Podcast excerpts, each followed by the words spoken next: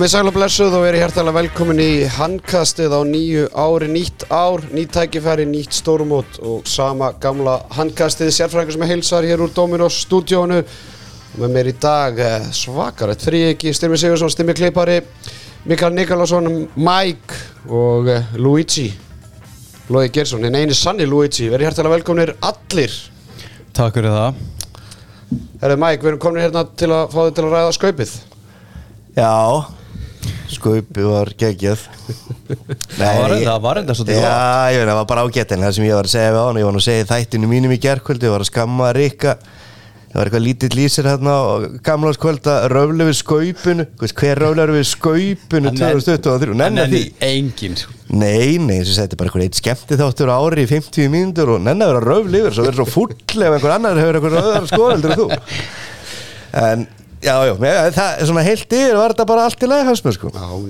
Dominos Coca-Cola með handkastinu í liði og uh, Dominos ómissandi með boltanum í janúar. Bílamiðstöðin Krókalsi 7 og strákundir í bílamiðstöðinu þeir eru syngjandi á trálandi sérfræðingur skrifaði, sög, skrifaði söguna milli jól og nýjás fyrsta íslenska kvennaliði til að vinna Norden Cup og bílamiðstöður þeir eru í ekstra góðu skapi núna þessa, um þessar mundir þeir ætla að vera í munn hérna og uh, hver veit nema að þeir muni syngja og tralla með sérfræðingnum meðan þeir verða skvílandi og hvað, hvað var þetta aftur stimmi? Víla og skvíla Já, víla og skvíla Herru Ólís vinnur á vellinu, vinnur við veginn Ólís vinnur handkassis, vinnur hópur Ólís og síðan er það sjálfsögðu svona fyrirtæki mánaðarins, það er sjálfsögðu fitnessport uh, logi, það er seltað kreatínið og, og síðan hætt tróðsugött hardcore Já, ég mæli með kreatínu á alla Já. 2 grömm fyrir æfingar, 5 grömm eftir af hverju? Það er bara uh, mest rannsaka fæðabótarefni heimi og það er hérna á öllu sem við erum að tala um alltaf að byggja um eitthvað loading tímabil og eitthvað svona þá þarf ekki að lóta þessu. Nei. bara negla í sig á hverjum degi 2 grömmum fyrir og 5 eftir. Málið döitt Það var það slúðis Það er ekkert flókið. Herðu, strákar, það var það var rosaleg eh, já, það var svona, þið getið ímyndað okkur á sérfræðingur hann var eh, ekkert lítið í sér þarna á gamla stað þegar hann tók eftir því að þrjár vinsraðustu íþróttafréttinar á vísi frá árinu 2023 komu allar úr handkastinu. Logi, þú átt nú smá að heyra því. Já, ég hérna, sá þetta og sendir þetta á mig. Það var mikil hiti í kringu landsliði fyrra og hérna, væntingarna miklar og það voru allir að fylgjast með og okkur tókst það alveg að, að já, hrista verilega upp í þessu. Og svo náttúrulega gerðist ímislegt á þessu móti og fólk hefur áhuga á handbólta þetta er þjóðar í þróttin okkar. Heldur betur, ég held að það er sannast á þessu lista. Ég held að við mátt eitthvað átt að vinsraðustu fréttinar þjóðar íþróttin og síðan kom eitthvað komið Ben, hann er alltaf líka svona svona ágætlega heitt elskaðar á þjóðinu þannig að eh, ég held að þessi listi hafi ekki komið neinum á óvart strókar, en við ætlum að sjálfsögða hitta upp hérna í þessum þættu, við ætlum að fara aðeins yfir það hvað er verið að gera síðustu daga og það er alltaf stýttist í mót, það er ekki rúmlega vika í að HM hefjist HM, nei, EM hefst í, í hérna, Þýskalandi núna á miðugudaginn þannig að vera 55.000 manns í opnurarleiknum í Dusseldorf og eh, Þetta er eitthvað ekki opnarleikurinn, ég veit ekki af hverju maður tala um opnarleikina því að það er leikur fyrr um daginn, þetta er mjög skrítið allt saman en, en hérna oftast hefur stórmóti byrjað bara einu degi. En uh, áður við ætlum að uh, fara að ræða landslið og, og strákana okkar þá ætlum við að uh, minna á handbóltapassan, handbóltapassin hjá Símanum og Símin Pay Ólistil Kvenna, hún eh, hefst aftur eftir langa pásu núna á, á laugadaginn og eh, haukar fram, fer fram í sjóarpi Símans í opinu dagskrá fyrir alla landsmenn á laugadaginn og aðri leikir í handbólta passanum. En strákar, spurning dagsins í bóði Botifjúel. Botifjúel, drikkurinn sem að, eh, já, landsmennir eru að hamra í sig þessa mundir. Sko, frá árinu 1994 þá e, breytist fyrirkomulagið á EM og, og HM og e, þá núna er þetta alltaf á, EM er alltaf á slétturtölu og HM er alltaf á ottatölu hvað þjóð hefur unnið EM oftast frá 1994 eða frá því að svona mótafyrirkomulagið breytist Ég held að það sé bara Danmörk út af þessu rönni sem eru búin að vera á Frakland uh, Danmörk. Þeir byrjuðu sem ekki að geta neitt fyrir upp á 2010 sko Daninir Já, Og frakkarnir byrjaði að vinna hvað, 95? já þá, kom, þá byrjuðu stöftur Aftur ykkur HM-inu 2000 Lítur að vera frakland Býta aðeins. En króatarnir maður, mannstu þetta, nei. Þetta er að frakkandi meira verið í HM og olimpíuleikurum Þannig að ég ætla að segja Danir. Já, Danir er ránt Danir hafa einungis tvívegis urði Evrópumeistarar frá 94, það er 2008 og 2012 Þetta er alltaf svíþjóð af Frakland, ég segi Frakland Frakkarnir eru vittlust líka, þeir eru búin að vinna þetta þrísvar Króatar. 2006, Það eru- 2010 og ok. 2014 Þetta eru svíjarnir Þeir náttúrulega vinna Svíar, þetta Já, 94, þetta er gamla- 98 Ég Mats 2000 Olsson og Staffan og þeir bara. Já, og svo vinna, vinna þetta náttúrulega síðast 2002 í Ungverjalandi og Slovakíu þannig að þeir eru búin að vinna þetta fimm sinnum á, á frá því, Býtu og nú er enda Európmestar eru þeir eru svíjar eru ekki? Þeir eru Spánverja unnu, Já, einmitt Þannig að 2022 já. að 2022 í, í Herðu, strákar, þetta var trikki og góð spurninga þér er ekki bara? Jú. Já, ég er trikki hérna einstaklingur, ég verði ekki hérna. Herðu, Logi, fyrst eru konu með hérna og, og Mike, þú varst náttúrulega vitna af þessu. Strákarnir í nokku og þau vildu rifja upp hérna aðdeklisvert aðdök sem að átti sér stað í milliriðili á sínu tíma Logi þegar þú dundraði boltanum í andlita á Kristján Sæts og þetta náttúrulega koma aðeins hérna í umræðinu í, í þáttunum hjá okkur milli jól og nýjast þegar við vorum að rifja upp eftirnuvistu stórmótin. Logi, getur aðeins farið gegnum þetta allt saman það er að minna það okkur þetta atviki þegar þetta Já, gerist? já. og bara Já. hvernig, hvað þú hugsaðir þarna bara rétt áður?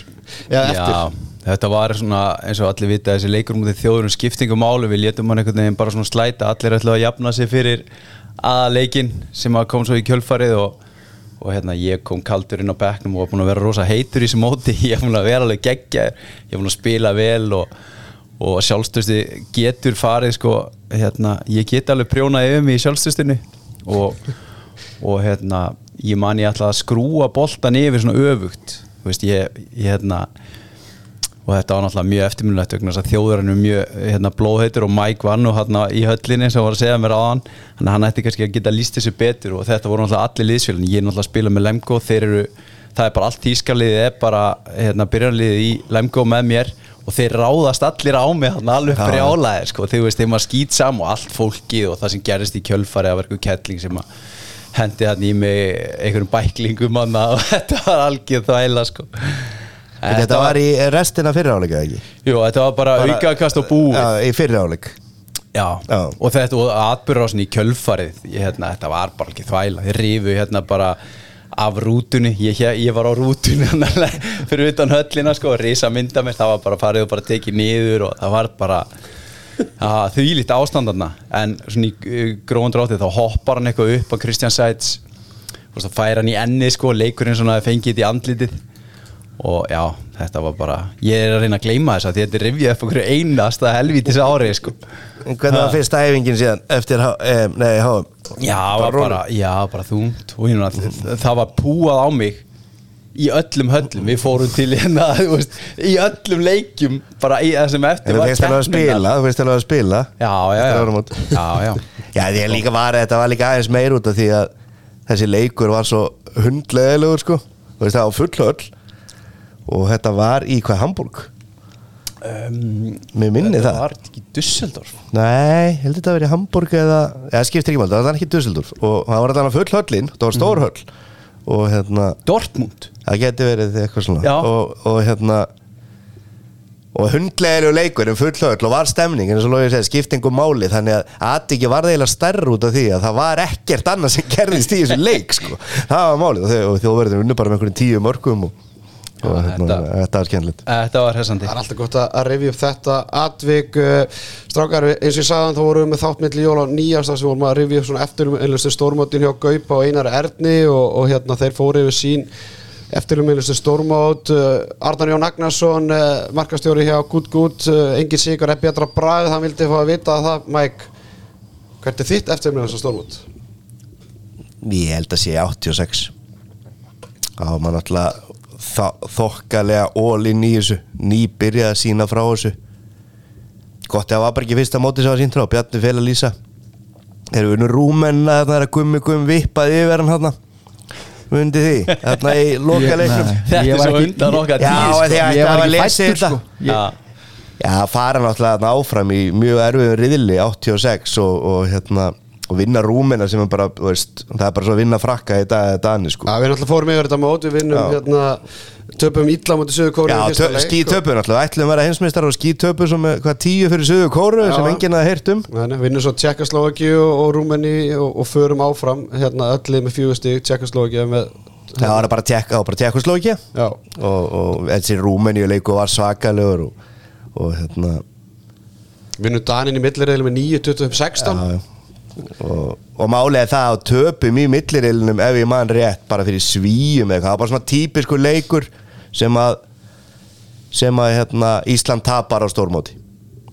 Leikur sem er átt að vinna en töpu með einu eða eitthvað. Runni hann hafði bara farið undan og slitt Endum mótið í, sjötta sæti sem var það var eftirmjöld á móti fyrir mig en það var bara 11-12 ára þá og all inn í þessu sko. Og það er ekki sen sem að mista einni mínútu sko Júkoslaðar unnu þetta mót með eftir sigur á Ungarum það var hérna Vukovic hérna þjálfarinn var hérna einn af Já, það var skittan að það, það var ágætur. Vesilín smá honum Herru strákar, hérna förum aðeins að að ræða sem framundan er. Það er náttúrulega er rísa mót framundan EM, ekki bara EM, þetta er EM í Þýskarandi, bara í Mekka og, og hérna hæpið í fyrra logi það fór ekki fram hjá neinum.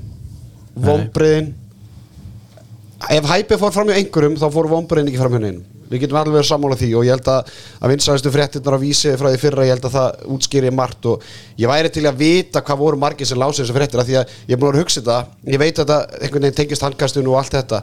En þú veist það eru risa fréttir sem gerast bara í bæði fótbolta og í öllum íþróttunum á síðast ári skilur mig þegar Ronaldo er að fara til Saudi Arabíu og Messi til Bandaríkjun og þú veist einhvern veginn að þrjár vinsæðistu fréttirnar bara á íþróttum skulle tengjast þessu bara þessum þremur eða þessu stórmóti sem var í fyrir þetta gerist allt sömu vikuna. Ég var til að vita bara hver var lesningin og skilum við hversu langt voru var, eða hversu miklu fleiri le- lása þessi fréttir heldur bara þegar að Messi fótt í bandarækjana eða þú veist það var, það var stórmót Já, já, Arna þó viða sem var rekin og, Já, já. og allt hafari í kringum Albert Já, ég meina, Gilvi Sig er að koma tilbaka til Lyngby og þú veist, það er marga stóra fréttir sem tengjast íslensku, Já, já. íslensku íþróttum í fyrra en einhvern veginn að bara handbólti skulle hafa bara áti, eða getið hennar lista en alltaf segir ímislegt Já, væntingarna voru miklar og liðið var líka mjög gott og þú veist, það hefur aldrei verið að greið leið inn í að komast í undanúslitin ever, bara ég skoðaði öll stórmót og þú veist, við stóðum frammi fyrir því, við vissum að Svíþjó var hann í millireilinum, svo var þetta bara Ungverjaland, Brasilia, Portugal, Cape Verde. Og við vorum. Já, það var millireilin og við lendum hann í þriðja sæti og eftir Ungverjum og eftir ungverjum og, það, og ungverjum voru sko, ekki, þegar við sáum það á þessu móti þeir voru svo lélegir inn á milli og við vorum gjössalega með þá. Þetta var eiginlega svona, þetta er eiginlega einn eftirminnasti leikurinn svona síðustu tíu árin á mér í sjónvarpi. Að horfa á þegar liðið molnaði þarna móti ungverjum þegar allir eruðu þreyttir og Ómar komst hvorki aftur og bak nýja áfram og við vorum bara búin að klessukera riðilinn, munið ekki eftir þessu? Þetta var alveg bara, þú veist ég fæ bara illt í magan sko að hugsa um það og þetta mót var, við vorum með geggjalið, það voru allir að spila ótrúlega vel, ég meina Ómar Gísli þeir eru þýskalandsmeistarar, þeir eru bara bossa bestu deildina. Þú veist, þetta er bara eins og að vera með Ronaldo í liðin okkar sko. Viktor Gísli var að hérna vaksa, það var allt með okkur á síðasta stórmóti. Veist, fyrir mótið inn í mótið, riðillin var ekki það sterkur, hann var alveg trikki en hérna var og bara. milliriðlanir sem byðu okkar voru bara, þú veist, það var fullkomið en núna, þetta er bara allt annað dæmi upp á borðunum núna sko ég er búin að vera að skoða, veist, við, við erum að við lendum náttúrulega í 12. sæti þarna í í, í fyrra Já. og hérna það voru mikil vombriði og, og þú veist það var mikið rætt um markmiðasetninguna hjá liðinu og, og hérna hvort þetta væri bara orðið sér íslenskt að vera alltaf að setja sér einhver markmið en þegar maður fyrir að skoða fréttur út í heimi með hvernig Daninni gerir þetta eða Spánverjar eða Dani, já bara hérna Svíþjóð þú veist þeir eru bara að fara í þessi móti þess að reyna að vinna sko. Og það er bara upplegið en þú veist þetta mót núna bara reyðilinn okkar, Ísland, Serbia, Ungarland Sástjálland, þetta er mjög trikki en það sem býður okkar í millireili er Frakland, Þískaland, Spátn og Króatía. Ég held að ég bara ekki heyrt neitt tala um þetta en þetta er miklu, miklu erfiðari leið sko. Nei, ég meina þetta er erfiðasta leið sem að íslenska og nokkuð tíma fengið. Já. Það er bara þannig. Og hún var bara grínið verið, það var bara að gleyma þessu. Maður bara, eftir en ungverðileik hérna í fyrra þá bara einhvern veginn svartnætti Já, ég menna það var líka bara svo fárulegt að tapa þeim leik og, og það voru alltaf bara fullt af mönnum í liðinu sem bara, hann er að tala um Ómar Inga hann kom sem þýskalandsmeistar og besti handbóltum væri heima svo gata hann ekki á þessu móti sko. Já, já, bara veist, á því náttúrulega. Það er bara þannig og, og það er kannski verið aðeins að skrifast á hann og hann þarf að rífa sig í gang bara núna og ég meina það er eitt Þetta að segja, hérna, já, við erum bara Ísland og þetta, fá- þetta fáir, ég meina við erum með menn í bestu liðum í heiminum, þetta eru bestu gæðir í heiminum og það eru sjö inn á í handbólta sem byrja og við erum með easy 14 menn sem geta verið undanúslit ég, uh, teka algjörlega undir þetta hjá þér en þetta var líka stýringin á liðinu var mjög sérstök.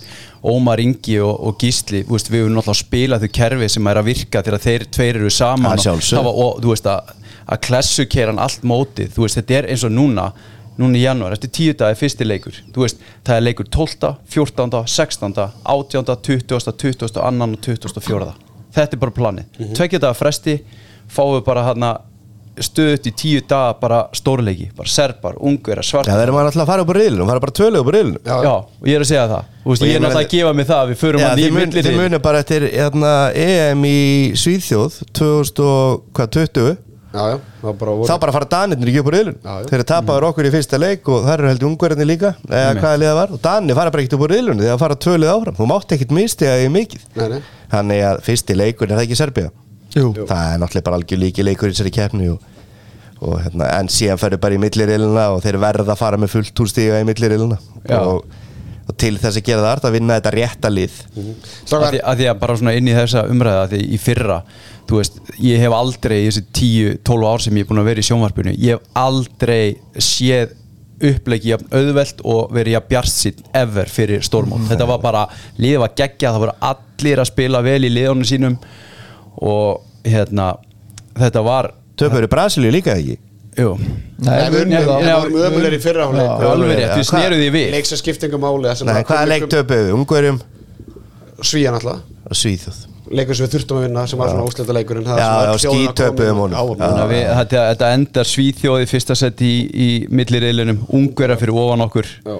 svo við Brasilia, Portugal og Kapi Verdi þannig var þetta. Strákar, hérna, en það sem að gefur okkur smá svona byrjundi báða vangi er náttúrulega að eh, strákarnir eru klættir í, í föt frá 66 á norður og það getur nú haldið þeim hita í kuldanum í, í munn hérna og, og íslensku stuðnismennum sem að verða já, yf- yfir 3000 manns og, og svo náttúrulega veit ég það að Valdi Gríms, kongurinn í Vók fyrir heimili, hann verður þarna líka og hann var þarna líka í fyrra og hann gefur góða hérna góða ströyma til strákana en, en þú varst að tala um hann í milliriðil og að eh, sko í síðasta þættið náttúrulega var Chris O'Reilly hérna, EH, eða röddin í EHF sem lýsir öllum leikjum í mestaröldin hann náttúrulega var í viðtali hérna í, hjá okkur í handkastinu í síðasta þætti og, og stimmið sem þú og, og Tetti voru að stjórna og hann hafði bullandi trú á íslenska liðin og, og segðu nú, nú hlustandi sem hlustu ekki viðtalið og, hann var að nefna þjóðverðina Já, hann tók það sérstaklega fyrir og það gaf mér aftur svona pínu væntingar að hann talaði um að þjóðverðarnir væru ekki einn sterkir og þeir raunur lit út fyrir að vera veist, og, það er svona smá já, og eins og segja, þú veist, þegar að Logi var núna aðeins að tala um þess að þjóðverð þá fæ maður alveg svona pínu gæsa þú en raunur króatar og þjóðverðar eru ekki einn sterk í dag og við höfum átt að vennast þeim síðustu tíu árin. Ég meina Rún- Rúna Sigdrik segir að serbarnir séu besta balkanþjóð. Og við náttúrulega erum með serbarnir í reyðinu sko, þannig að serbarnir eiga að vera betur króatarnir. Þannig að eins og þú segir fyrir mér er þetta sko Ísland og Serbia eru líklustu leginn til að fara áfram. Já, þeir verða náttúrulega, það eru líki leikurinn. Og málega er það, það er tvent í þessu. Þjóðverðin er ekkert með frábært liðið seguru og króatarnir ég meina K- Ísland er með cirka 15 stuðul að vinna mótið. Króatið með 71 Já, sem því það að Ísland er með miklu betar lið en Króatið en við töpum alltaf fyrir Króatum samt. já. Mjög oft. Og, En sko- og þjóðverður á heimavelli. Þóttu sé, þóttu sé mörgulega með betar lið en þeir líka. Og þú veist inn, í fyrstu sjö allavega að þá eru þeir á heimavelli en það verður mjög öru En svo segja, þjóðverðin sko eru svolítið bara að setja öll ekkin í sumu körfuna, þetta eru markverðinir hjá þeim og svo er þetta Júri Knorr, þú veist, þeir eru með enga skýttur þetta núna, en að þetta er svona þeir eru ekki líklega að taka svona 25 bolta mot Íslandi Jú, jú, allir Þeir, andra ég, það er bara þannig, þeir eru náttúrulega með Wolf það er bara mínum að besti markmaður í heimir Já. bara, mér, ég, ég, sko ef ég væri þjálfari og ég hefði að valum Landín eða Wolf ég held ég myndi láta Wolf starta sko. Já. hann er það góður og hérna, veist, og hann var í liði mótsins í fyrra á, á hérna HM og var bara stórkostlegur og, og náttúrulega, þú veist já, mér fannst hann íta þjóðurunum bara upp um 30% þú veist, Já. hann var ástæðan fyrir að þeir þeir hérna, voru á þessum stað sem þeir enduðu. En náttúrulega bara algjör líki leikur til þess að við gerum eitthvað á þessum móti er að vinna Serpani í fyrsta leik. Algjör og, lykilleikur. og, og þú veist, við eigum alveg að geta unni þjóðveri og króta á góðan degi og svo er þetta bara spánverður og frakkar þú veist, við erum ekki að fara að vinna þau bæði held ég. En hérna, Nei, við erum aldrei að fara að vinna sex leiki þessum sjö, ég Nei, get alveg glemt málið er það að við förum ekkit í undan ef við förum í er ég séð og snorrið og bara handbóltanum sem hann spilar, held að hann hendi vel þarna. Já, ég sammála því. En ég sé okkur aldrei fara í undanúrsliðu þessu móti því miður með alla þessa leiki og bara alltaf einn dagur á milli. En hann þarf að spila vel, en hann gerir það reyndar. Hann getur spilað vel úr öllum hópum. Og, en hvað þarf að gera til að komast í þetta olimpíusæti er það ekki að vera fyrir ofan liðs og Serbíu jú. til dæmis? Jú, klárlega. Þannig að það er bara algjör úslita leikur í þessu móti að byrja vel. En, en, en, en varðandi þetta, króatarnir eru á síðasta stórmóti í nýjunda seti og serbarnir eru fyrir framann okkur líka í 11. seti og við í 12. við, en við vorum bara, við spiluðum svo hrikalega illa, við eigum hellingin Já, við já, spiluðum þú svo veist. hrikalega illa úr okkar við, spilum. við vorum bara sko það er oft verið að tala um þessi markmið við, sko, mér finnst nú meira áhugavert bara að skoða hérna, veðmála síðunar vegna þess að þar er alveg búið að reikna út bara hvernig leikmenn er að spila í liðjónu sínum hvernig allt er, veist það er allt tekið inn í myndina og þú veist okkur var í, í fyrra spáð bara í undanúslita af öllum meira og minna sérfræðingum, ég minna bara danski þjálfarinn talaði bara, heyrðu, þetta er, þetta er árið fyrir Ísland og fyrir utan og svo lágu þetta svona upp fyrir okkur. En það er, þú veist, varandi þessi, markmið, þessi markmiðasetning að ætla veist, á þessu móti er markmið að, komast inn til, inn á, til hérna á olimpíuleikan í París. Það verður að vera miklu skýrari fókus í, inn í þetta mót. Já, fólki já, er drullu sem olimpíuleikana við erum ekki þar, Nei, við erum ekki komnir. Það verður bara að vera það er líka fara svo rosalega flæðandi leik. markmið. Það, er líka, veist, það getur verið sjötta sæti eða ellafta sæti eða tólta, þú veist, við veitum ekkert þú veist, það er bara fyrir eftir hvernig mótið spilast þannig að markmið að komast inn á olimpíuleikana er veginn ek, ek, ek, ekkert svona það er ekki mælalegt eins og það ekki bara Nei. út úr þinn er, hvað er það, tvölið eða? 23 lið. 23 lið og svo fer eftir hvernig Afrikumóti fer og hvernig Asjumóti fer Er tvö bótið Já, Tvö- já. En það sem var uh, í fyrra var náttúrulega reikalegt að hlusta á að það, þú veist, sumir koma, ég meina Gísli Þorgir kemur og ég viðtal og segi bara markmið, við ætlum að verða heimsmeistarar. Og veist, svo eru sumir að tala um hérna bara næsta leik og allt þetta, svona markmiðasetningin var mjög óskýr, við vorum alltaf búin að veðra þetta upp og, og allir veist, voru svolítið að býða eftir Íslandi. Nú kemur hérna þessi svaðalegi hópur upp og við erum bara, þú veist, það voru allir að býða og núna hefur Snorri örgulega bara því ég heyri það bara í öllu viðtölu við alla bara, já, markmið okkar er bara komast á olimpíuleikana, þú veist. Ég, þegar ég var sjálfur í þessu þá vorum við bara að fara inn á mótinu við bara, við ætlum að gera geggja hlut á þessu móti.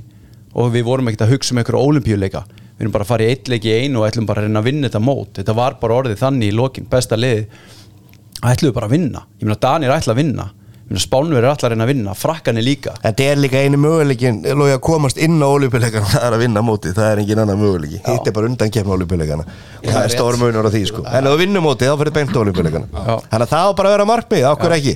Ég Með, er að alla þessa leikmenn sem eru með Ég menn okkur á Ísland, tvo frábæra hæruvarnamenn Það, þú veist, það þarf að skilja einhverja skittur eftir sem er að skora tíu mörk í Þýskalandi í hverjum leik sko, þarna hæra megin Aron Pálma, ég, óskætti því hann spila eins og á móti afturöldingu daginn, þótt að það hefur verið afturöldinga þá var hann geggjaður. Já, á móti haugunum líka Já, við miðjumennir, ég ætla nú ekki að vera að tala um þá Ég meni um haug þrastar inni líka. Elva, Elvar Guðmunds búin að vera besti leikmann í þýsku dildinni Elvar hérna Jóns. Já, já. Elvar Jóns, já. Elvar Jóns, Við minni. erum með góða markmann Þú veist, uh, Bjöggja væri fórsetan, það er allt með okkur. Eina sem er, það er línuspili, það er bara þetta vennilega En hann er búin að spila vel hann ellið í þessum tveim leikjum Móti færi um reyndar En ég meina, come on, þetta lið Já. Það er, og ég meina miðjumenni sem við erum með Tveir í Magdeburg og einn í Kilse hérna, come on. Já. Það er ekkit mörg lið með þetta í sínum hóp. Nei, við Það var erum bara dagur á milli leikja Það er hjá öllu Já. liðum sko. Við erum með rosalan hóp núna sko. Segðu bara hérna alveg Þú er náttúrulega búin að vera í, í hérna Þessari EM og HM stóð hjá Rú undanverð og búin að fylgjast með þessu öllu saman búin að, gummi gum búin að vera með liði síðustu árin hann fór, þjóðin kalla eftir því að hann myndi fara og hann fór liðið meira þess að einhverju leikmenn kallu eftir hann færi og, og, og þannig endaði það Hvað sérðu fyrir þér að Snorri Steinn geri á þessu móti? Er það, er það jákvætt eða neikvætt að hann sé að fara í sitt fyrsta stórmót?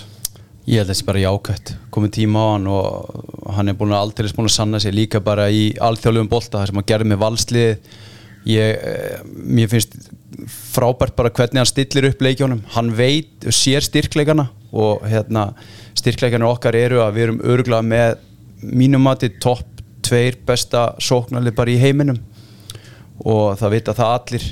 En handbóltið er meir en bara sókn. En hann, það sem hann hefur gert vel er að þú veist, honum hefur verið að takast að skora fleiri mörkheldur en aðstæðingurinn. Hann er bara í sókn.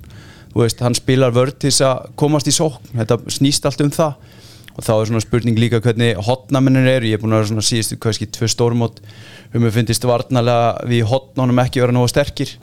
Veist, eins og menn séu alltaf að fara í ræðaplöpinn og og við erum að missa svona lítil atriði sem við sjáum kannski ekki á Danmörku og Fraklandi og, og Spáni þar sem að hotnamennin eru bara að spila mikið hlutverk í vörð, mm -hmm. bæði Sigvald og Bjarki eru, eru kannski ekki þú veist Í síkinu? Já, þú veist, en ég held að þú veist, nú er bara nýjar áherslur og ég ætla ekki að tala um það sem er búið ég held að núna komi snorri inn með nýja hluti og, og hérna og ég held þetta að verði bara blúsandi sóknarleikur og að verði bara 50 gýr og ekkit annað sko Akkurat, uh, strákar, hérna strákarnir í, í Ríni endurskóðum Beigartölu í Tettu og, og félagar þeir uh, voru að rifja upp viðtalum við sem var tekið við Guðjón Guðmundsson fyrir HM í fyrra. Þannig að við vorum búin að tala um það. Væntingarna voru settar á eitthvað annað level í, í fyrra.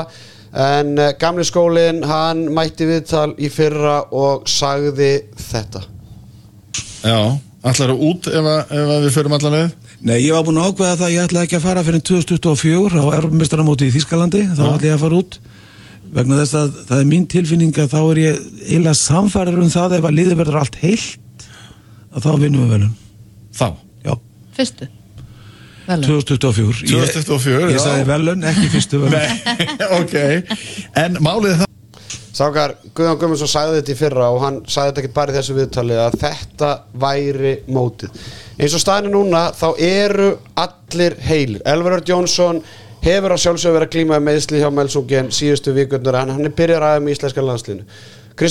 Kristjánsson Donni er meittur og eh, fór í myndatöku milli Jól og Nýjás og það var ég hef ekki fengið neina fréttunum það hvernig það fór allt saman en það leit ekki nægilega vel út og þannig að en, ég menn hann er þriðið hægri skitta og ég velti fyrir mér hvort að Snorri Steinn hafi verið að eh, vann með einhvern veginn stöðun á Donna og, og, og svona reynsluleys í, í Snorra að taka ekki teit inn í hann að 20 og vera það bara með 22 mann á hóp. Að, ég menna að þú ert að tala um það Mæka teitur að skora 10 mörki í leik fyrir Flensburg síðustu vikurna Já, já, ekki hóp þarna. En, en, en við, við tölum við það að það er allir heilir skilum við, Elvar er búin mér, að mér tæpur finnst líka sko, þetta, er, þetta er frábær umræða núna. Þetta er svona eina umræðan sem ég finnst alveg mjög áhugaverð. Það er þessi staða á liðinu að því að Ómar mér finnst við eiga að geta nota hann aðeins á miðjunni.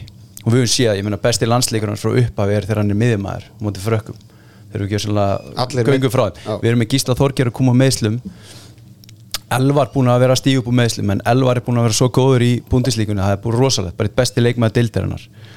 Og hérna þetta hefur alveg frábært hérna, útspil að hafa teitarna með honum bara til þess að tryggja þetta. Að því við sjáum hvernig Snorri hugsar. Hann hefur Pettersson inn í 35 manna hóp.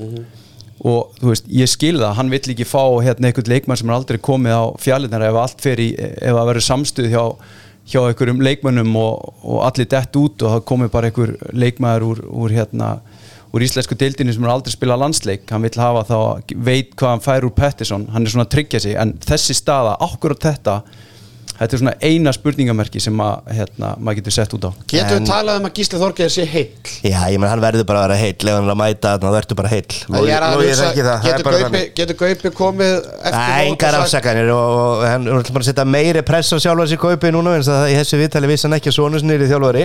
En það er bara þannig að svona er þetta bara og kaupi er bara búin að segja þetta og hann verður bara að standa við það það skiptir ekki það, er alveg klárt að það eru tveir gæjar á undan Mhm. báðum. Og þið þekkið þetta, náttúrulega Logi er búin að vera þarna heil lengi, það eru bara 16 í hóp. Og það er smá trikki. Hvernig ætlar að stilla upp 16 mann á hópnuðinum því að þú ert ekki með Aron Pálmans á 60 mínútur í leik með, með eitt á milli. Og ef elvar er tæpur hver er þá að fara í skiptuna? Já, Aron Pálma, þú veist Ómar Ingi á miðjuna, við erum með þrjá miðjumenn sem eru heimsklassa Jú, hann getur spilað á miðjunni en við þurfum hann ekkert á miðjunni. Hann verður að spila hinn um leikmunum hann verður að vera með þannig að ég held að þarna í afturhaldingu, hann verða að gefa honum tækifærið. Já, já, hann, Í- það, er, í- það er alveg möguleik og það er það sem að En hver er ætlar að spila ef Aron á slakaleik? Aron mun alltaf eiga einhvern slakaleik þarna. Þú veist, Aron er komin að bara aldur er að spila með FH Þú veist, við vonum alltaf bara að hann nái alltaf kannski einn hálftíma í leik og sé geggjaður en við vitum það alveg, hann getur verið upp og niður. Hann var að hann var að setja haug þrasta þarna mútið færum Já, Já, já. við eigum hann, hann er honum. náttúrulega rosalegur Sko, En er hann 100% þú veist? Viggo, Viggo Kristjáns er náttúrulega búin að vera líka ótrúlega góð Ég er að segja það, hann er alltaf 2 Já, eftir Ómari, þannig að þetta er spurning hvað, hverji ætlar að hafa í okkur? Ég held að, að haugur sé á undan Þorstein Leo hvað var það að vinstra megin Já, já, en Þú ert með Janus og Janus múr frábær Jón- þú ert með Janus og, Gísla Þorgjör í miðinni Ég held að haugur sé svona Já, það sem ég er að segja, ég held að Heldur en Teitur. Þótt að Teitur er spilið í Þýskalandi og er spilið miklu betar lið og meir reynslu og er að skora þar þá held ég að sé mikilvægari upp á stöðunar í landsliðinu. Geta tekið hérna inn og hann getur allt í hennu sett bara fimmar, getur líka klúra en, en málið er Gísli, bara- Gísli Þorgi getur líka verið vinstra megin og hann hefur verið að brjóta mikið upp leikin þar Já, já. og er að sækja mikið upp hann er svona besti maður á mann leikmaðurinn okkar. Ég held að Þorstein Leo verða að koma inn á HM þar sem hann fær Cape Verde eða Angola eða eitthvað svona ég, veist, ég sé ekki fyrir mér að Þorstein Leo mæti á móti króatu í milliriðil og setja 5-6 skilum, hann, hefur bara ekki hann hefur bara ekki sénsinn. Gesson á þessum tíma hefði gert það og Héðin- hann? og Híðin Gilsson. Gilsson? Akkur ekki Þorsteinn Leo ég held að já, Þorsteinn- ég er sammála Ég held að við- hausinu á Þorsteinn Leo sé bara svipaður og Loga Gesson og Gilsson Já. bara farið upp á Alveg sko greiði kallin elsku, ég, þú veist, af Já, ég, hverju en, ekki? en, byrju, ég er samt sammála þessu. Þú veist, við eigum ekki endilega að tala þess að menn niður. Þú veist, hann er, hann er ekki að tala hann beint niður, hann er bara að segja það sem að flestir halda að muni gerast. Ég meina, það er ólíklega að hann komi og bara springi út. En mér finnst samt við eiga, eins og Mike er að gera mér finnst við alveg að gefa hann það hann hefur sínt okkur hvað hann getur, ég meina, hann er stórkostlu Við leikmaður sáum bara mot F á þann daginn, ég meina Aron tók alls sviðsljósið en gæin var samt með, þú veist, þar ertu með þriðja landsleismarkmann eða eitthvað í markinu. Mhm. gæin er samt með okkur 12 mörg og hann er sér í vinkilina einhverjum 17 metrum eða eitthvað. þetta er eitthvað sem ef við Aron hefði ekki séð. átt hennar leik að þá hefði bara alla fyrirsætni verið á hann. Já. en ég er ekki að segja það en hann er að fara að velja átjáman hóp. Og það sem ég er að segja það kemur verulega óvart og með þetta er mjög skrítið það myndi ekki velja hann átjáman hópin en ég er alveg, alveg búin undir það en gera það ekki Já, það er, og svo finnst mér líka einu umræðin sem að Aron við erum að tala um hérna, hann er komin heim í FA og, og upp og niður leiki og svona, þú veist, gæðilega er þetta bara þannig og við höfum oft séð þetta, leikminn hafa verið að spila ekki þar í Króatíu eða þú veist, ég þekki bara sjálfur maður hefur komið inn í stórmót þar sem maður var að spila lítið í Lemgo samt verið geggjaðir í mótinu Já, þú veist, já. þetta er svo mikið hausinn á manni að þú veist, ef maður er ekki með neinar afsakanir og maður mæti bara og er bara að fara hérna, standa sig að þá getur allt gerst og ég meina Aron er alveg nákvæmlega jafn góður í handbóltum hann fyrir fimm árum bara þegar hann var Já, að vinna meistaradildina en ég er bara að segja, þú veist, en, en ég veit að það sem við erum að tala um, nú er ég náttúrulega svolítið að horfa inn í bjartsýnina og horfa á það sem maður getur verið, en við höfum verið að sjá annað, þú veist, og þess vegna er minstri er eins og þú ert að segja að ég menna þetta er upp og niður og aðeins niður en þetta er svo mikið, þú veist, og það er svolítið í hlutverkinu og snorra líka, hvernig hann er að tala um menn og búa til hlutverkin og það var það sem var í landsliðinu, við vorum að vinna velunina og vorum bara komnir alveg í bara toppliði heiminum, bara topp þrýr þá voru allir með hlutverkin sem skilgreind og maður bara hlakkaði til að mæta og svo mikið gleði, síðasta stórm og það var svo þungt yfir þetta, þungt yfir viðtölum og mann langaði bara,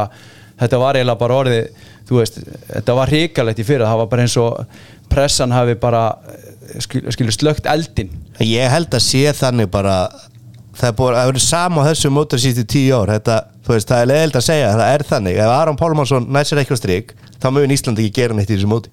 Já, ég minna við er, hann er hrikalega mikilvægur ennþá. Og ég held að hann eigi eftir að eiga mjög gott mót. Og við eigum það inni hjá honum, hann veit það. Og ef hann á gott mót þegar ég er saman loðan ekki slakar handbóltamhaldur í fimm árum eða sjö árum eða eitthvað, alls ekki. Og ég held að sé bara mögulega betra fyrir að spila í FH en það er kannski ekki betra upp á ef hann ætlar að topp leiki hverju meinasta leik þeir eru bara einn dagur á milli sko. en, þannig að hann verður eiga stórmót. Ef hann á stórmót þá getum við farið helvítið lótt Já, og líka bara eitt inn inn í þetta líka hauguð þrastar. Sko í fyrra ára hann meiðist eru það að grína sko, hann var góður í, í hérna, Champions League. Já, já. hann var, hann var Hann var bara ég hef aldrei séð svona. Unstoppable sko. Já, hann var á korteri, þetta er bara einn flottasta framistæða sem ég séð. Þeir eru að spila hann í Champions á móti Já, ég man ekki móti hvernig það var en hann var bara og hann var bara 15 myndu búnar hann var komið með 6 Já, mörg fimm eða sex mörk. já, 5 eða 6 mörg hann var bara að snúa sér ringa miðinu vippa sér upp á 12 metrum undirskot upp í skeitin þess vegna, Logi, þess vegna eins og þú segir skiptir svo rosalega málun og stjórnuðu liðinu sér rétt vegna þess að þú ert að tala um allir þess að gæja Ómar Inga og þá Gísla Orger og Aron hann í síðasta leik, síðast leikjum heim og svo Haug og allt þetta. Og þessi með tíu mörk í Þýskalandi þú veist og bara en það er bara þrýr inn á fyrir utan. Þessna þá stjórnunu er rétt og vörni, þótt ekki selur sammálu því að hann spila vörn til að skora í næstu sókn, að hún þarf samt að vera í lægi og markvæslan, en sóknarlega ef hann stilli því rétt upp, því að þeir verða aldrei allir með 7-8 mörk í leik sko. Og það er kunstin í þessu. Já, og það er engin betri í þetta en Snorri. Ég get bara Það held ég ég, bara, já, ég, ég spilaði við liðin á honum og hann sem miðjumæður og leikstjórnandi og, og hann er, hann er handbólta séni þessi gaur. Ég bara, ég held að sé ekki betur en hann í þetta. Nei, ég held ekki heldur. En strákar, þessar fabulauningar sem við erum að taka núna það mun, við, við, við munum vonandi fá okkur svör núna um helgina stemmi þegar að íslenska liði leikur tvo leiki gegn Austuríki Heldur betur, eigum leik við Östuríki núna á laugardaginn klukkan 5 og svo setni leikurinn á hérna mánudaginn klukkan 5 Mánudaginn? Já, mánudaginn fáum hann dag á milli þannig að það kannski bara, verið að setja þetta upp eins og þetta verður á mótinu. Og svo vantalega það ferðustu bara beinti yfir til munjan stutt að fara. Já, er þetta í Austuríki Já, þetta er Östuríki Þannig að þetta er enda sniðut, það er gaman að menn læri að koma 2024 Já, við erum ekki að spila tvo æfingarleiki í röð bara. Nei, að hafa daginn á milli eins og er í mótin Einmitt En hérna Lógi, þú veist þessi leikir náttúrulega verða í bytna á, á rúf. Þú talar um það í opinskona viðtali í, í fyrra að, að þú ætlar að segja skilu við EM-stofuna eða ætlar alltaf að vera úti. Verður úti núna í ár? Já, ég fer út tíunda og ég ætla að tengjast eh, stofunum, við ætlum að brjóta þetta aðeins upp. Við ætlum að fara, færa okkur kannski aðeins nær þessu eins og þjóðarann í gerir þetta og danirnir og Svíarnir. Já, svíjarnir, þú veist, eh, fara kannski aðeins inn á völlin og kannski verður eitthvað leiktaði með loga eða þú veist að ég fer eitthvað og þú veist, gera eitthvað svona aðeins öðruvísi veitis aðeins mér í dýft og, og tengist ég er svona, já, ég er svona hálfur inn í inn í stofunni og þar verða Kári og Ásker og, og hérna, hvað ertu búin að bóka það lengi? Bara svona, svo ég veit hvað, þú veist, bara eitthvað sem bjart sínir eru rúvararnir að það verður lengi að núti Já, bara, he, bara- bara heim eftir daginn eftir finals Já, ok, geggja, 29. heim Já, ég, menn, ég sá bara flug með hann sem ég fekk sendan Já, geggjað. Það var bara út tíunda og heim 29. Úslita leikunni 28. Þannig að Það gleður mig að heyra Já, ég meina Rúf er ekkert að fara í þetta mótis að fara heim Nei. sko Þannig að En hvað viljum við sjá í þessum leikjum? Við erum, við erum búin að ræða þetta allt saman er, Þetta eru tvei leikir moti Austuríki Skilum við, hvernig, þú veist, Lógi, þú er náttúrulega ert einn af, einn af, hérna, einn af okkur sem að hafa þekkir þetta, skilum við, hvernig fara þær inn í þetta leik og hvað vil Snorri fá út úr þessu? Heldur hann sé að fara að spila á tvöföldu liði eða þú veist, ætla hann bara að vinna báðaleikina eða þú veist, hann verður náttúrulega að fá einhver svör, þú veist, hann verður að sjá hvort að verður Donni bara alveg kvildur eða mun Þorstitt Leo heldur að Þorstitt Leo fá eitthvað tækifæri við verðum að sjá hann, verður hann búin að velja þennan átjáman hóp fyrir þessa leiki? Hvern- hvernig sér þetta fyrir þér? Já, ég held að hann sé, veist, ég þekki líka bara Snorra hann, hann er ekkert eitthvað honum, hann var ekkert í einhverju paniki þó er var að tapa þessum leikjum sko. Nei. hann er bara að fara að prófa liðið. Hann hefur núna hennar tíma og hérna ég held að hann muni rúlla liðinu, prófa þetta. Hann prófar að keira upp hraðan hann er að fara að spila hraðan handbólta, það er bara 100% við erum bara að fara að reyna að skora fleiri mörk en anstæðinganir og og ég held að já, prófi leikmenn og svo vilja menn oft spila sig í stand. Nú er búin að vera smá pása á jólinn og, og ég manna bara í þessum leikjum svona, það var maður ofta aðeins svona að koma sér í, í stand og, og reyna svolítið líka sko, þú veist aðeins að soloast og, og hittna fyrir mótið. Að því að þú veist það er rosalega spenna fyrir fyrsta leik, maður veit að það er bara öll þjóðin að horfa og það eru væntingar og, og svona. Þannig að menn taka svolítið skrekkin úr sér í þessum leikjum og það hjálpar. Þannig að ég held að hann sé bara að fara að rúlla hann bara að láta alla spila og prófa liðið, þetta eru æfingarleikir þannig að þú veist þetta er ekki að fara að gefa ykkur að skýra myndum hvernig við verðum á, á þessu móti. Hvernig, hérna, hvernig myndir þú stilla upp fyrsta byrjunleginu í fyrsta leikum mútið Serbíu? fyrsta ég held ég færi bara í þú veist Viktor, svo væri ég með Bjarka ég væri með Aron ég væri með Gísla ég væri með Ómar, Sigvalda og Elliða, bara eins og var bara síðast. Einu Það var- ein- ein- einu varnarskiptingu það um, já Gísli út og, og Ímir eða Arnafreyrin Já, ég tæki, ég tæki, ég tæki Það takk ekki elvar fyrir Já, ég til að keira upp setna tempo Jú, Má ekki sammála þessu það? ja, bara, þetta er bara byrjunlið ég held að Þið heldið að Aron byrji? já, já. Hann ég myndi alltaf byrja honum. Ég myndi Já. alltaf byrja honum, það er bara þannig ég, með vartaskiptingarnar, ég myndi alltaf hafa hérna ími í vörninni. Já, mér finnst ég, það bara sterkast í varnamæðurinn kannski vont að gera tvær. Já, Já, nútíma handbólti er bara þannig að þú veist, Nærða það að gera tvær? Veist, mikilvægastu þristanir í dag eru bara þeir sem geta speysa gólu og við erum með þá leikmenn núna veist, að geta hlaupið bara á milli og vera ekki í einhverju skiptingum. Veist, við höfum orðið svolítið eftir á síðustu árin í þessum endalausu skiptingum. Maður er búin að sjá handbóltin búin að þróast alls konar. Búin að færast í stóra þunga menn og svo koma litlir núna að stela svolítið í senunni. Veist, bara Gísli Þorgir og Ómar skittur 1.90 sem eru bara bestu leikmenn í heimi.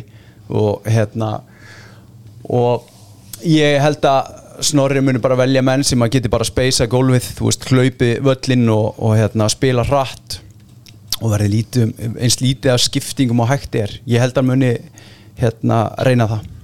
Heldur betur strákar. Hérna, til að svara spurningunni sem strax er farið að banka upp á hjá mér út af úr ímsum áttu þá hef ég tekin, ekki tekin eina ákvörðunum hvort ég ætla að sækjast eftir embæti fórseta Íslands frá með næsta sumri þetta er ekki sérfræðingur sem er að skrifa þetta heldur er þetta Björgur Páll Gústafsson einn af markverðum íslenska landslýsins eina sem ég veit er að ég er að, ég er að fara að horfa eftir og sakna Guðna og Elísu. Öll mín orka mun fari í fjölskylduna næstu 11 daga þar til farir verður út á EM í handbólta þar býður okkar skemmtilegt og krefandi verkefni sem þarf að fulla innbyndingu á gleðlít ár og sjáumst á EM áfram Ísland. Þetta segir Björgvin Páll í nýju Facebook status núna á nýju ári sem að verður þá tekið fyrir í uppskýrháttíðin okkar í handkastunni í lok þessa árs þar sem að það verður valið á milli Facebook status ásins Björga, hann er ekki tættur þessu lögum minn Nei, nei, þetta er bara, þú veist þetta er ágættis markasetning, ég meina fólk lesi þetta og hérna og já, já, þetta er hérna, honum er ekki, þetta er ekki uh, bannað sko, hann má alveg bjóða sér til uh, hvað fórseta og borgarstjóra eins og hann vill en, en ég, veist, náttúrulega bara eins og ég kallaði eftir í fyrra, mér fannst á mótinu vera alls konar uh, svona hlutir. Og, veist, og vissulega hefur hann bara rétt á að gera nákvæmlega sem hann vill, fyrsta lagi hann bara standa vaktina í rammanum og maður vill hafa fókusin svolítið skýran bara á öllu, veist, í kringum stórmót og svona, það er bara mín skoðun. Þetta með tröfla núna ég meina Guðni TH er ekki hjálpa íslenska landsliður og íslenska þjóðin að vera tilkynna þetta á, á gamlásdag því að auðvitað fer hausin að bjögga núna bara þangarskinu á hann að bjóða þessi fram eða ekki? Og, og það er bara eða stuttist mótmæk ég meina Guðni er ekki að gera snorri stein greiða með þessu. Nei, ekki, já, getur hann bara, það er einhverjir aðri markmenn þarna, hann getur, getur kift inn einhverjum öðrum markmennum bara úr 36 mann hópnum. Hefði ég haldið, uh, hann bara áttur að velja sín 16 átjóman hóp en já, nú, já, já, þetta er náttúrulega bara tóm þvæla, þetta er ekkit annað, ég menna bara einbjöðs að þessu móti og líka næstu 11 dagar fara í fjölskylduna, ég ef að landsliði fótbolta ég hugsa bara er að fara að þá, þá tekur ekkert 11 daga fyrir fyrsta leik og er bara með fjölskyldunni þá ertu bara með liðinu sko ég hef nú haldið það það væri þannig á Íslika landsliðinu líka og ég hef nú haldið það að þeir sé að fara til Austuríkist á vantal á 5. og 1. dag og, og svo koma þeir ekkert heim aftur sko. Ætla að verða heima, ætla Bjöggi verði bara heima með á það hlýtur að vera veist, hann, full þetta, er, þetta er bara þannig að þú ert að þú veist eins og Lógi segir, þú ert að vera að spila móti Spáni og þú veist, ef við vinnum, förum bara riðlunum þú ert að spila móti Spáni og Fraklandi og Bjöggi veit þetta alveg og ég menna hann hefur gert þetta allt og þess vegna kemur hann svolítið óvart. Þegar maður spila móti öllum þessum liðum og ef þú ert ekki með 100% fókus að þá bara stein liggjum við. Og við erum með tvo markmenn, hann er annar markmaðurinn. Við vitum að hann þarf að spila fullt í þessum móti og hann þarf bara drullaslega verið í standi í barkinu En er þetta samt ekki skiljanlegt, ég meina það, ég trúi því að það voru örugglega margir sem voru að spurja hann í gerðmorgun bara fyrsta sem við gerðum vegna nýja ári. En hvað, akkur er hann eitthvað, ég, akkur er ekki logi bara í fórsetan? Nei, nei, það er aldrei að vera að gera Ég alveg nómið sjálf á mig sko. Front, það Ég held að hann er nefnilega nómið sjálfan sig líka Þannig að, já, þetta er náttúrulega bara, þetta er náttúrulega bara þvæla. Þá kemur við bara með þetta í massa apríl þegar þú býðið fram En en, sko- en nú er bara stórmátt í handbólta, hann er í hópnum og, og ég, men, ég myndi aldrei sjá Ómar Inga Gísla Þorgir vera að henda ykkur svona út. Nei, nei, en þetta er náttúrulega Björki búin að gera þetta í mörg ára og þetta kemur hann svo sem ekki óvart og, en ég meina, ef hann spila vel og sem að ég er náttúrulega á skónum og mér hefur fundist hann vera alveg rosalega góður bara eins og í fyrra, frábær í Evrópukeppninni og gæðin í Björka eru ennþá hana og, og Snorri, ef einhver kann að virkja það í honum þá er það Snorri. Þannig að þetta eru bara, þú veist, svo það er bara serbar, ég er búin að rekna þetta út samkvæmt líkum og öllum spám hvernig leikinu verða mótu hverjum. Þetta er bara röðin, það er serbar, ungverjar svartfjallaland, svo mæta okkur Frakland, Þískaland, Spott og endum á Króatum þetta er röðin, þetta er rosalegt mót og það þarf fókus í þetta. Það er bara, öll aðtigli er bara inn í liðið, hópurinn á bara að vera saman. Og ég tala um bara eins og fyrir olimpíuleikana og öllu þessi stórumótur og vorum, veist, þá var bara verið að þjætta hópin menn voru bara inn á herbyggjum saman Sjálfsögur lítur hópurinn bara að vera saman. Ég meina, ég ok, ég gefði þeim það en með ég fara heimtíðsn eftir aðengar kannski í dag og á morgun. En ég trú ekki að sé eitthvað meira en það. Svo bara er hópurinn komin saman og, og basically bara einangraður inn í hópurinn Já, og ná, sem, ná stemning og samstöð því að þessi fyrstu tveir leikir Serbi og Ungverland eru náttúrulega bara mótið. Já. og ég meina við vinnum kannski Serbi fyrsta leik og allir er alltaf eðislegt og hversu líklegt er þá að við förum að töpu fyrir Ungverjum? Ef við tökum söguna þá er það mjög líklegt. Þannig að menn þurfa að vera vel fókuserar inn á þetta til að fá að spila þessa leikja móti spánurum og frökkum og þessum lið. Já, ég held við megum heldur ekki lesa svo mikið inn á status, þetta er bara svona eh, Nei, nei en, þetta, en, en þetta er samt, ég er, ég er alveg sammáleikur að hérna, maður vill bara algjöran fókus. Ég fekk spurningu gergveldi hvort að hérna, hvort við getum séð það fyrir okkur að, að Bjöggi verði fórseti og í markinu á háum á næsta ári. Nei, það held ég að sé Hvað er þá fyrsti fórsetin til að spila á stórmóti?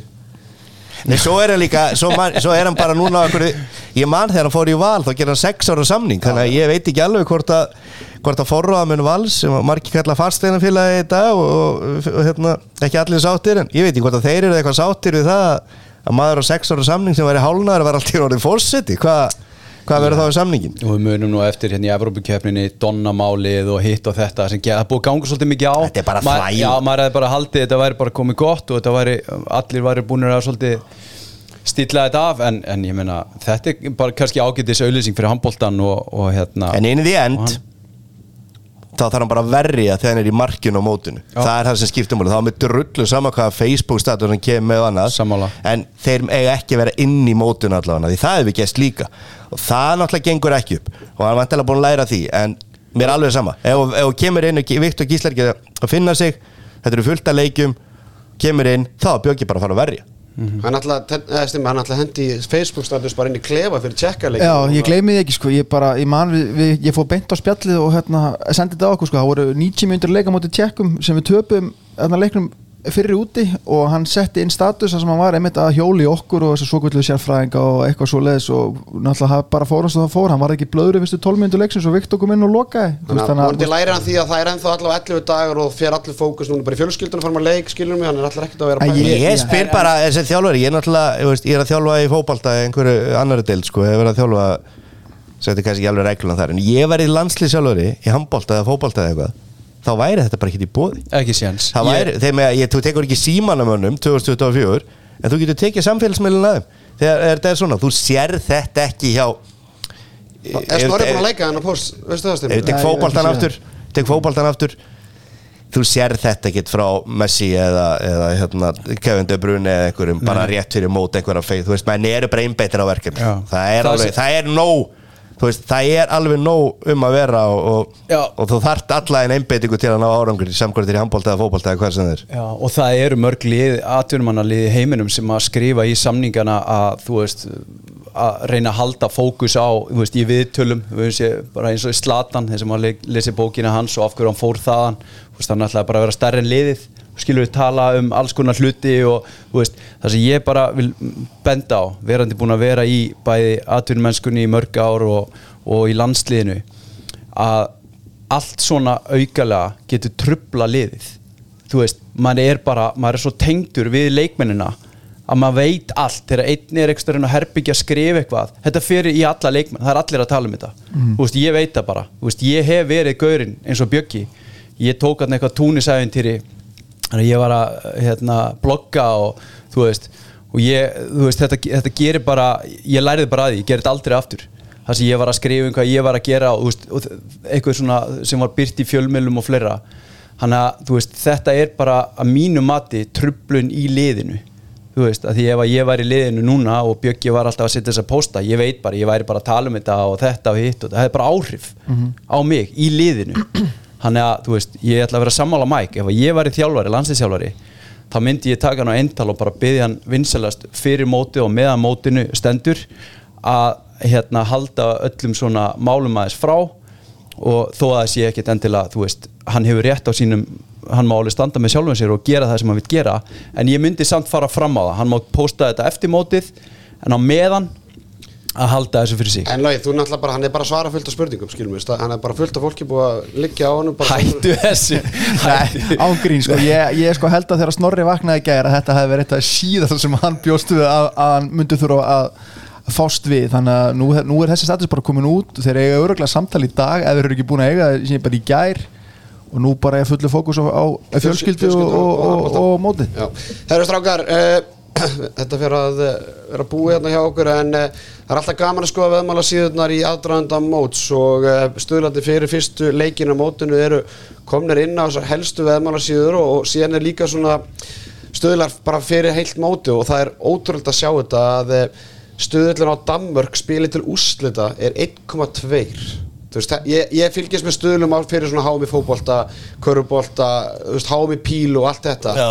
að 1,2 í stöður að Danmörk fari úrslitin þetta er eitthvað lélegasta sem ég sé Já, og það er líka bara eitthvað 2,4 er vinni mótið. Ég vil- tveir jafnvel, tveir, Já, ég hef aldrei séð ádrætt upp á 2 til 2,5 að liði vinni mót áður en á móti byrji stundum í stórmót Eurovision stundum í Eurovision þegar Valla samt sko, ekki svona látt sko, sérstaklega ekki svona langt í mót. Ég er að segja það, þetta er en, alveg en það er samt alveg þannig að, að við erum þú veist, ef við tökum þessi tvö brakket þá eru við náttúrulega miklu erfiðar í megin. Og Danirnir eru náttúrulega bara að fara að lappa inn í undanúsli Danir eru mestalega að fara að tapa þér í svíum. Það er ekkit annað lið sem getur unnið og þótt þeir bara spilu hörmulega. Mögulega varalið þeirra. Spátn Já. er náttúrulega, þú veist, alveg kandidat. Þetta Spátni er- með okkur.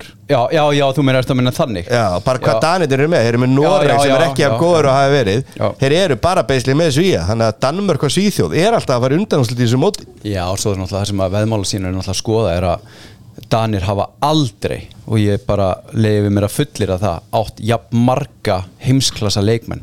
Þeir, sko, þeir myndu velja annað bjeliði þeirra færi örugli undanvarslitin það sér að skilja eftir. Já. ég held ég áttið ykkur ekki á því að það er bara komin ótrúlegu fjöldi þarna í, í danska lið og svo náttúrulega segir bara sagan okkur það þeir, þeir eru ríkjandi heimsmystarar uh, veist, þeir eru bara með stöðuleikin á þessu liði er rosalegur ef við skoðum tölfræðina þeir hafa alltaf tapa leik sko.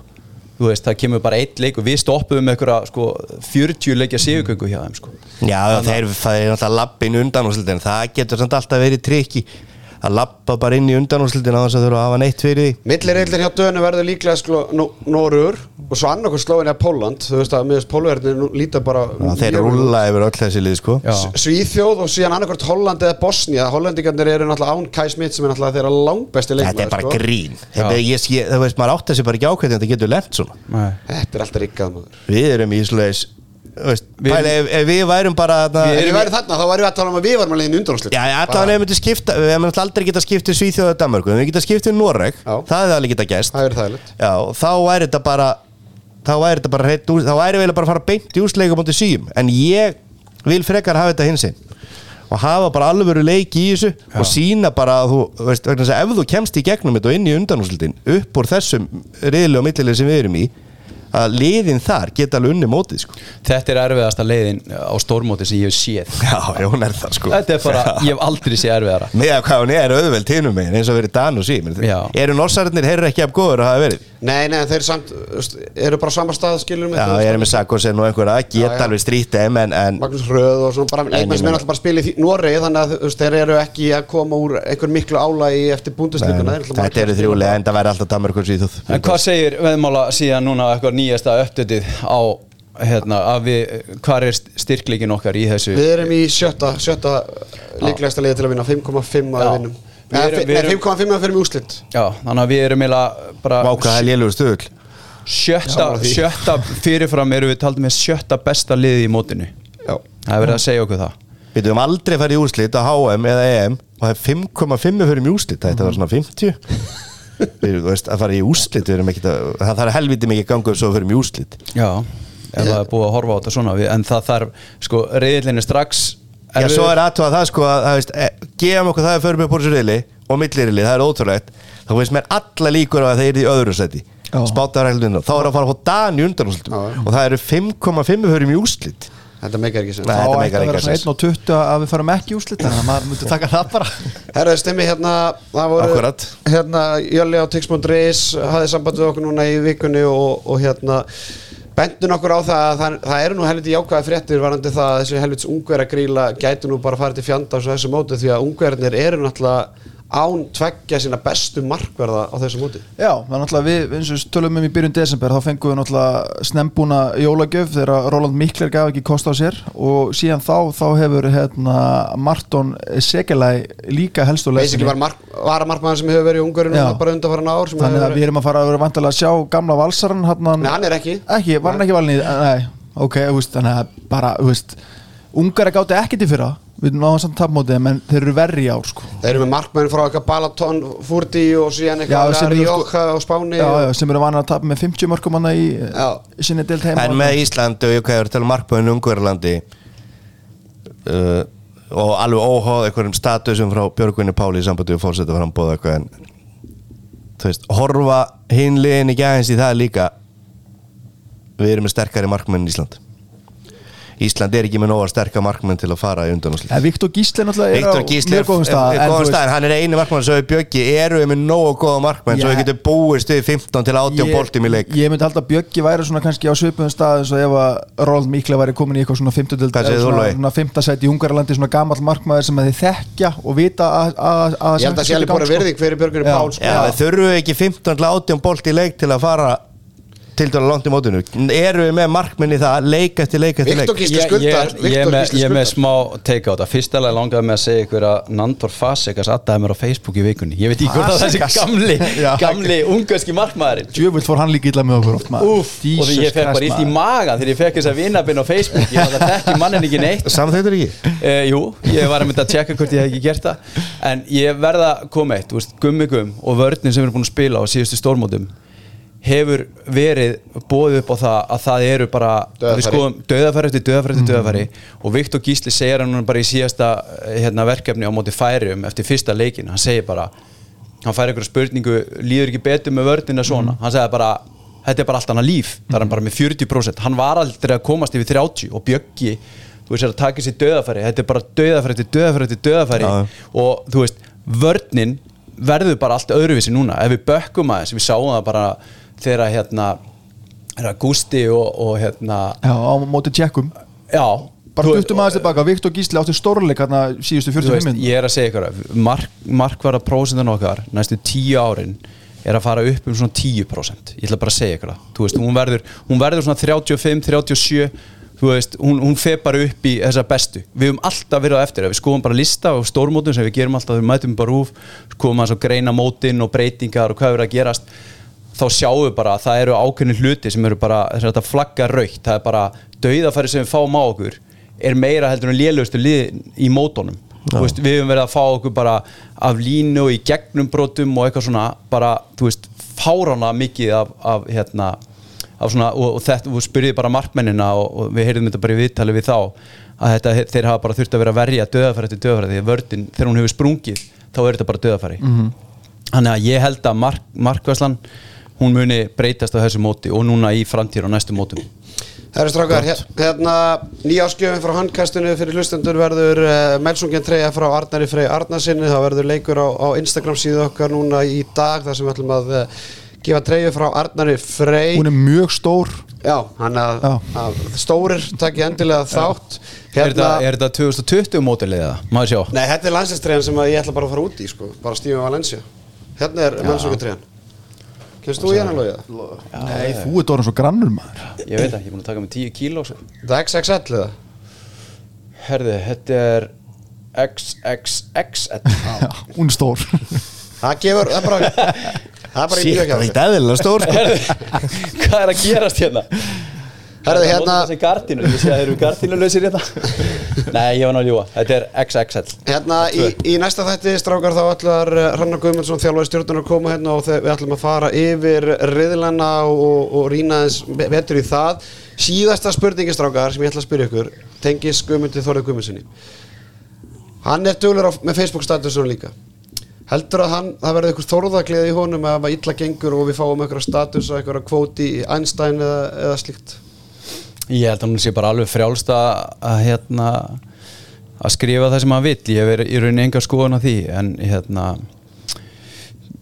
ekkit frekar, ég held að hann sé er ekkit, það er ekkit þannig að hann óski liðinu hérna að þeim gangi En hann alltaf var gaggjörndu gríðarlega mikið þannig að segjum að Snorri ná ekki að breyta genginu þá lítur hann að geta verið með eitthvað svör og ég, ég, ég, ég sé alveg fyrir mér að greitt kringum miðnætti eftir tapamöndi Serbi og Ungverjalandi, eða sérstaklega þegar tömöndi Ungverjalandi, af því að hún alltaf var kent um tapið, þá kæmi einhver eitt svona, einhver kvótmynd úr einhverjum Engi veit hvað átt hefur fyrir mist hefur Já. Eitthvað svona. Ég held að hann muni komið sér nú það skinsamur að það getur vel verið að hlakki einhver staðar inn í honum ef við myndum tapa þær ungurum og ganga illa en ég held samt ekki, ég held að sé það skinsamur að ég held að hann myndi láta status svona alveg auga sig, ég held það.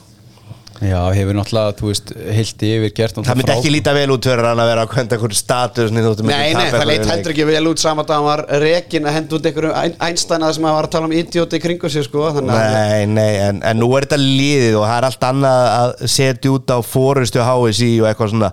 Hann fyrir ekki að henda út einhver að fara að setja út á leikmenn sem hann er búin að þjálfa og eru bara félagar hans margir hverjir og jafnvel að þjálfa og núna í félagsliði og annað.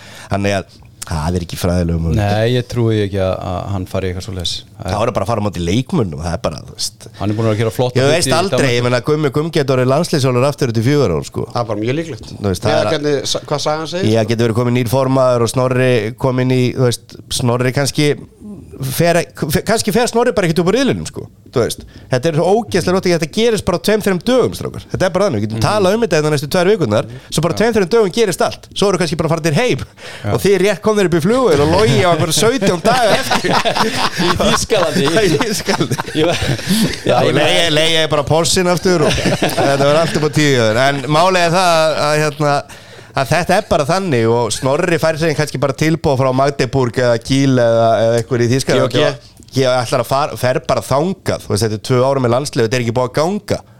Því að þú veist, þetta er bara einn leikur til að frá, þetta er mínúta til að frá að gangi með landsleginu, logið þekki það alveg. Já, og þannig að þá getur komið nýr formaður þú veist, fólki var ósátti að sem ekki ná betra árangri og gummi gummi getur komið aftur og hann gerir það ekkert, hann ætlar að fara að henda út einhverjum skýta kommentum á leikminn liðsins, ekki fræðilegur sko. Nei, nei, en þú, þá má ekki taka að gumma að hann hefur náttúrulega náð hörku árangri með liðið. Og bara besta árangri sem þjálfur hefur náð. Já, já, og bara, þú veist, gert ótrúlega hluti og, og hérna og ég er náttúrulega spilað undir hans stjórn og mjög þakklatur og varst mjög martaði gott sem hann gerði eða bara, þú veist, í kringu landsliði var bara gaman að vinna með honum og bara áranguslega tip-top. En sumt hefur bara líftíma og hérna, og stundum verða menna að hérna prófa okkar nýtt og, og nú er komin hérna maður í brúna sem að sem bara eðlætt í íþróttum að það sé skiptum þjálfara og, og ég hef alveg svakalega trú á að Snorri eh, geti gert mikið fyrir þetta lið. Eitt örstuð, haldið að, veist, þú kannski veist það Arnaldur, Snorri, er hann mikið að leggja upp á vídeofundum eins og gummi gummi, já því að mást maður að heyra undir restan að menn væri ótni bara gegn sýrðir að horfa á vídeo sko, var bara vídeofundur eftir vídeofundur eftir vídeofund Auðvitað, að, veist, hann var ekki þekktu fyrir það í val en þú veist, núna er hann, þú veist, hann veit bara hvernig umhverfi er í, í kringum landslega og þú auðvitað þarft að gera Já, það, ég er að segja, ég veist, ég held að gera meira ég held að gera meira á parkitinu skilur Já, mig, held- og bara svona einstakni spjall og ræði Það bara, er bara svolítið þannig ég, þá bara þú veist, þetta er bara orðin algjör þvæla allir sér vídeofundir og allt þetta. Þú, veist, það þú vinnur enga leikin á það Rúnar í tindastól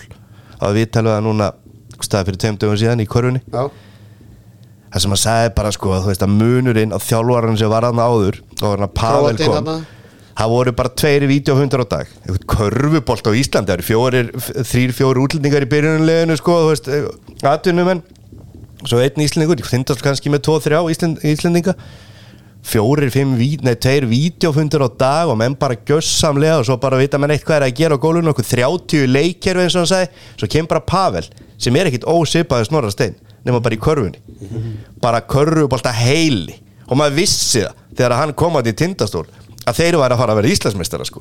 og hann bara einfaldar allt. Einfaldar hlutina, já. já, og ég get lofa ykkur því að Pavel sjálfur nennir ekkit að vera með þessa vídeofund alla. En kannski með eitthvað neyti, ég er ekki þessum sem að kunna á tæknina sko, skilji? Og líka- og þetta fer inn á parketin og þar gerast hlutinir og það er held ég nákvæmlega saman snóra þetta er einhverju vídeofundir, þetta er ekki séns að segja mikið, ég held ekki. Nei, og til þess að kannski setja þetta í svona smá myndmál að þegar ég var í Þýskalandi og við vorum ég kem í liðið þegar við erum Þýskalandsmeistarar við horfðum ekki á vídeo af hinum sko við vorum besta lið, það voru allir að að vinna okkur. Við vorum bara að bæta okkur. Já, það er held ég svipa að hann sagði hann hérna Pétur með, með tindastóli, menn þú veist, það er bara þannig. Já, svo og það er kemur maður í frekar að klippa eitthvað út fyrir markmenn þá bara er eitthvað að klippa fyrir landslið og svo er bara sendt á markmennina Björgvin og hann hérna Gísla hvað er hann? Viktor Gísla. Þú veist, það er bara sendt á þá eða þú veist hérna Já. eða senda á eitthvað varnamar þú veist, þú ert að fara út á móti þessari skittu og eitthvað senda eitthvað svona en að vera að sitja saman í tvo tíma og vera að fara yfir þetta allt og enda löst og enda löst en það sjáu þið bara og líka á svona stóru móti þegar svona stutt á milli leikja þá getur, ég held allavega ekki að þú, ég er bara sem þjálfari sjálfur login alltaf þekkir þetta betur að vera að spila á þessum mótum getur ekki verið að þreita menn endalust inn á milli með þessu. Nei, og og, þú- nærði ekki að setja allt inn í hausinur það er málið. svo líka bara, við verðum að horfa á þetta og þetta er búið að vera í landslínu Gummi var þetta mjög góð með það, hann var að senda okkur vídeo fyrir stórmótin og það voru undirbúnings hérna, klippur og, Og það er mjög gott. já, og bara mjög skipulagt. En það sem ég er kannski að benda á er að við vorum alltaf að stilla okkur inn á mótherjan þú veist, í landslíðinum ég fannst þetta, þú veist, en svo í lokinu orðinu góðir, þá eru löngu hættir þessum, herru, við erum að spila við pólvera nú ætlum við að fara í þessa vörna og að gera þetta og þetta. Við vorum bara orðinu það góðir að við vorum bara, herru, þeir þurfa bara að lesa okkur sko. Þú veist, við fórum að besta okkar hluti og það var svona svolítið eins og að því þegar hann fer að þjálfa þarna líki í Þýskalandi og með Ræn Eckar og þetta að ég fann það bara að munurinn í landslínu var að við vorum alltaf bara, heyrðu, ok, hvað er næsti mótori? Það var bara búið að skoða eins og þau eru unnum Danmörku, bara búið að greina allan danska leikin, þú veist, í stæði fyrir að setja vinnu í okkur, við erum að spila okkar, þú veist, geta þeir unnið okkur? Þú veist, það var alltaf við að reyna brjóta þá, vitið þið hvað ég við og þessi vídeofundir geta alveg ógeðslega þreyttir, þegar þetta snýst alltaf um bara, heyrðu, þegar þeir gera þetta þá gerum við þetta, í staðin fyrir að hafa bara fókusin á, á hérna á okkur og hvað við getum og ég held að Snorri sé algjörlega þar. Hann er ekkit að greina öll liðin í ræmur og setja allar upplýsingarna heldur bara, herðu, við erum að fara að gera þetta. Svo líka sérðu svo mikið mun að horfa, maður er búin að horfa á einhverja 17.000 leiki á Íslanda stórmóti. Að hvað er þetta mikið að skila sér? Því þú sér bara allt í einu vinna Frakland með 8 mörgum tvisa búið að gerast núna á einhverjum 10 árum eða 15 árum, hérna 2007 ekki 2007 Jú, í Þýskalandi Já, alltaf geggjaða leikur. Og síðan núna hérna fyrir tveim árum eða eitthvað og svo kemur allt í einu einhver leikur hérna mútið ungverjum og einhverjum, þú veist, Brasilíu sem var alltaf vinnum og fyrir einhverjum töpu aftur og skoruðum einhver 19 mörk hérna fyrir einhverjum tveimur árum, þú veist. Og málega það þá hugsaðu bara, hvað er þessi vítafundar að skila sér? Þetta er bara hausin og leikmun ekkit annað. Þetta er ekki annað, þetta er ekki að skila neinustrakkur Þetta er bara hvernig motivationi kemur og hvernig menn eru. Það segir mér enginn að vídeofundurinn á móti Fraklandi að við hefum unnið þá með þessi átta mörgum að vídeofundurinn var svo geggjaður. En svo fyrir við á móti einhverjum ungverjum sem gátt ekki neitt og töpum með sex mörgum hvað var þá fundurinn þá? 1900 klekkaði Vídeofundurinn klikaði, nákvæmlega. Já, en það eru svona Þetta er bara, leikmaður er með motivation auðvitað er það með gott lið, við erum með það og ef þú ert með frábært lið eins og Íslandi með núna, þá leifur leikmunum bara að njóta sín. Það er mín persónulega skoður já, ég er sammálaði en það þarf, það þarf alltaf samt að vera eitthvað vídeo og greina anstæðingarna menn eru að breyta milli leikja og setja upp eitthvað kerfi, gefa hérna línusendingar. Það er gott að vera búin að sjá þetta, er búið að mata mann. Já, já, en það má alveg fyrir má róta en döðróta sko. Sammála. Herðu, hérna sem ég ást með eitthvað í löginu Nei, ég, nei, ég ætla bara að koma eina létta og þeir bara fór í áttamjönda spjall ég elska það Ég var, ég var að fá eina hérna spurningu Mike frá einni þýskri, verður þú í munn hérna? Já, ég er að stefna á það. Það er eiginlega ekkert stórmátt án mín og það vilja ná einhverjum árangri. Ég er sammála. Þannig að ekki, í hvernig treyju fyrir alltaf? Hvað, ég er oftast einn af þeim sem er bara í Armani eða Boss peysunni minni Svo rýfur þú úr og svo- hinum að vera ætla í að aðtúa hvort að ég finni heima ykkur til þess að gefa þér frá mér. Já, ef við með Ha. lofa geis aftana og þá verði ég 100% í henni. Þá gerist þetta. Þið heyrið það að Logi Gesson er farin að kemsa að uh, Keto Crunchy frá Good Good. Engi sigur betra bræð, hvernig smakkast þetta? Þetta er bara nokkuð gott. Nú er fyrsta skipt sem ég smakkaði þetta. Mike, ekki vera feiminn. Nei, ég ætla að smaka þetta. Já. Og fá hérna Ég ætla að taka með þess á núna og, og hérna, ekki gott ár 2023 í, í mataræðinu en þarf bara að taka aðeins á. Nýtt árin í tækifæri, nýtt stórmót sama handkastið, Stimmi Sigursson, eh, Mikael Nikálasson og Logi Gesson Takk hjá fyrir komuna. Gaman að koma. Við erum búin að Frábært. gjamma hérna í að verða 70 mínútur og uh, enn einn uppbyttunni fyrir EM í handbólta sem að hefst á miðvitaðinni í næstu viku. En íslenska landsliði þar íður á vaði á föstudagskvöldu og þar verður sérfræðingurinn og, og Ponsi En einu spurning, Já, 55.000 manns. Hvað Fyrsta er, leik. þetta, er þetta fótballtaföldur? fókbaltöldur Dusseldorf Það er bara einu leikurinn á Já, Þetta er búið að vera á uh, tíu ára fresti núna. Hvað er það Þýskaland og Swiss, stórleikur Þau tóku Það þetta er uppselt bara? Já, ég Þetta er búið að vera Það er tjö- rosalegt. 2004 Þá spila ég heimspilsleik með Lemko inn á Sjálki Arena. 32.000 manns 2014 Ræneka Löfen 40.000 manns og núna 2024, 10 ára fresti hafa nýtt heimsmet og það er 50.000 Þannig okkur er ekki úslega 55. Okkur úsleitleikurinn ekki þar? Hann er bara á miklu betri stað. Ok. Þetta byrjaði til Frakland á móti Makedóníu fyrri leikurinn og svo koma þjóðurannir Það er ótrúlegt að þjóðurannir opnið ekki. Já, ég segi það, þetta er mjög skrítið. Já, það er tvei leikir á fótbollvöldinu Það er Frakland er að spila fyr, fyrir leikin og síðan er að nýta, nýta, í daginn já. síðan alltaf er úslitin bara í, í landsins Það er alltaf alla 55.000 á Frakland Makedóni Ný. Já, sko, ekki, vann, ekki, markaður. ekki vannmynda nei, ég, bara, kaupir alltaf bara dagpass á þetta. Já, ég er að segja ykkur að það verður örgulega pakka Það eru okkur væsbýr og pretzel. Já, gæðveik stemning hérna og það eru 5.000 íslendingar að fara til munn hérna og, og hérna það ætla að segja allir stóra hluti og við erum ekki ekki að lið og það er alveg, það er mjög mikið hæp fyrir þessu móti Herðu strákar, svo verður náttúrulega styrmir, styrmir hérna á, heima á Íslandi og gerur upp leikina, ég veit að strákarnir Steve Daskra ætla að gera upp fyrsta leikin og, og úlingakynnslóðin í Dóttar fútból ætla að gera upp hérna Mhm. leik nummer tvö og, og ég veit ekki hvað og hvað. Þökkum hlustunna að, sinni og uh, óskum ykkur að sjálfsögðu gleðilegt nýs ár og þökkum það liðina